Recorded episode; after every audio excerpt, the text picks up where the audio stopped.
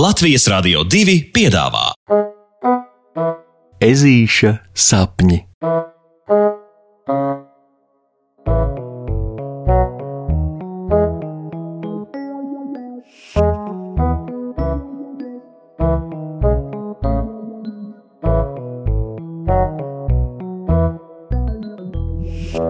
Ezītis mācās galda etiķeti. Šodien skoliņā pēdējā mācību stunda ir pie skolotājas meža cūkas Loretas, un tās tēma ir kaut kas tik ļoti jokains kā galda etiķete. Mani mīļie, brīnišķīgie skolēni, kurš man var pastāstīt, kas ir galda etiķete? Stundu ar jautājumu entuziastiski iesāk skolotāja. Var just, ka šī viņai ir īpaši mīļa tēma, jo meža cūkas kundze burtiski staro iedvesmā. Divas pirmās rokas, kas pašaujas gaisā, protams, ir sienāža, žorža un, un negaidītā kārtā arī lācēna rokija roka. Sienāzes Žoržs ir visai iedomīgs, apmaiņas skolnieks no kāda tāltāla meža, netālu no vietas, ko sauc par, um, à, par Parī. Un ir ļoti smalks un visnotaļ uzcītīgs. Tāpēc, protams, skolotāja Loreta vispirms aicina izteikties tieši viņu. Jā, Žoržs! Laipni smaidīdama, Žoržu atbildēt lūdz skolotāja Loreta.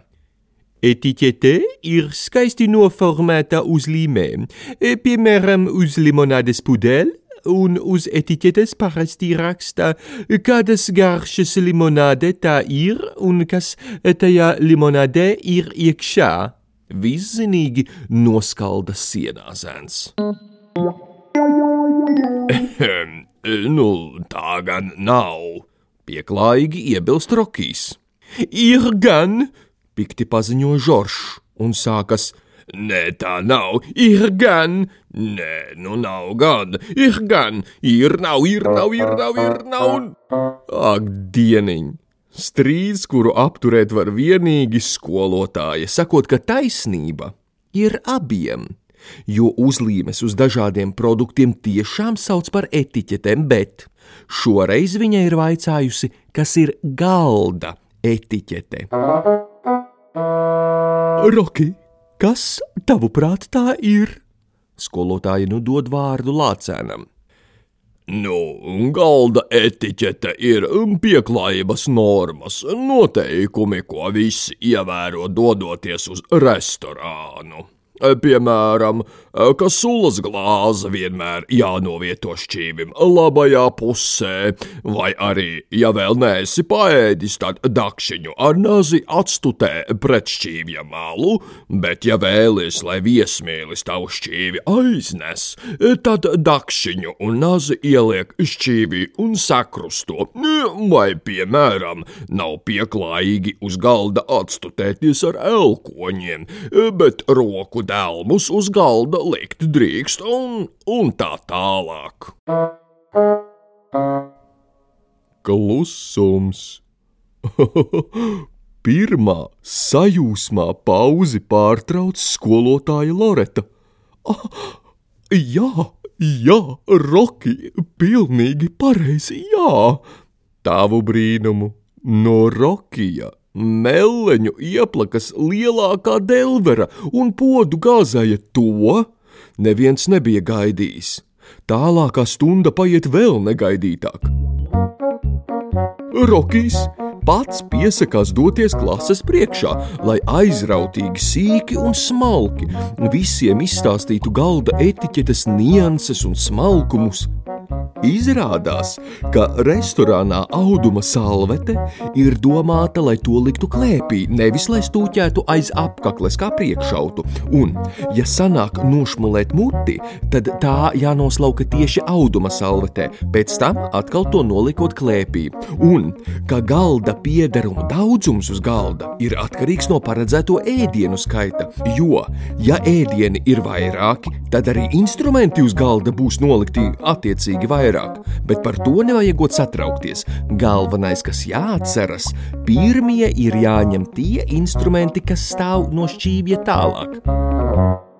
Tā Rokijs tik stāsta, un stāsta, un demonstrē, un stāsta, un kā izrādās, Lācēns visas šīs gudrības zina tāpēc, ka viņa vecmāmiņai pieder lielā kaimiņu meža smalkākais medus restorāns, kuru reizē Rokijs sapņo pārņemt savā pārvaldībā, kā jau tas ar ģimenes biznesiem notiek.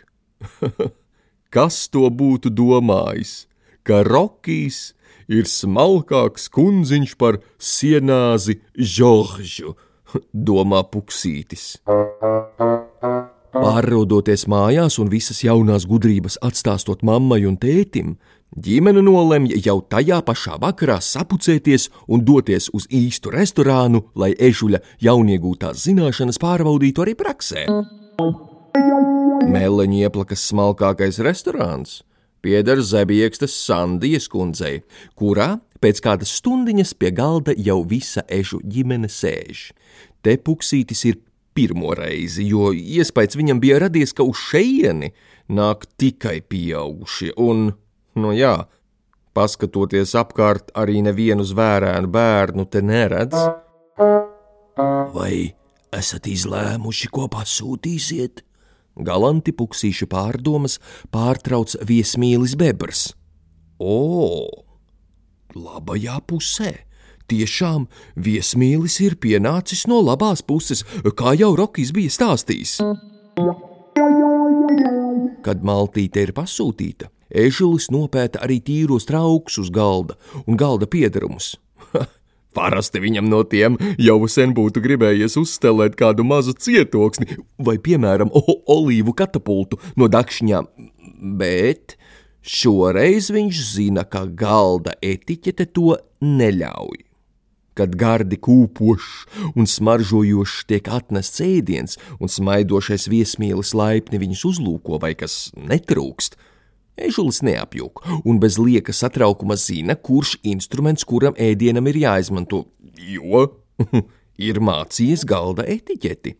Arī pēc maltītes, kad puksītis jūt, ka puncis ir pilns un vairāk tajā gan nekas nelien, viņš atceras, ka dakšiņa un nazis uz šķīvja jānoliek sakrustotiem, lai viesmīlis uzreiz to saprastu. Ohohoho! Jāsaka, ka puksītim šis viss noteikumu lērums pat, pat sāk iepatikties. Kā tāds interesants matemātikas uzdevums. Un kā odziņa visam, pēc maltītes viesmīlis bebrs pienāk un paslavē vēl ežuku, sakot, ka ļoti patīkami esot redzēt tik kārtīgu un zinošu jaunuli, un ka savā mūžā viņš esot redzējis vēl tikai vienu zvērēnu lācēnu, kas tik labi pārzina galda etiķeti uz ko? Uz ko puksītis pieklājīgi pasmaida piebilstot, ka tas pieklājīgais lācēns ir viens no viņa labākajiem draugiem. Kas to būtu domājis? Kā izrādās, reizēm noteikumi ir domāti ne tikai tāpēc, lai tos pārkāptu, bet šad tad tie lieti noder arī, lai visus patīkami pārsteigtu, un pēc tam justos labi par savām zināšanām un par dikti gudrajiem draugiem. Pasakas beigas Ej, draugi, ar labu nakti! Ar labu nakti!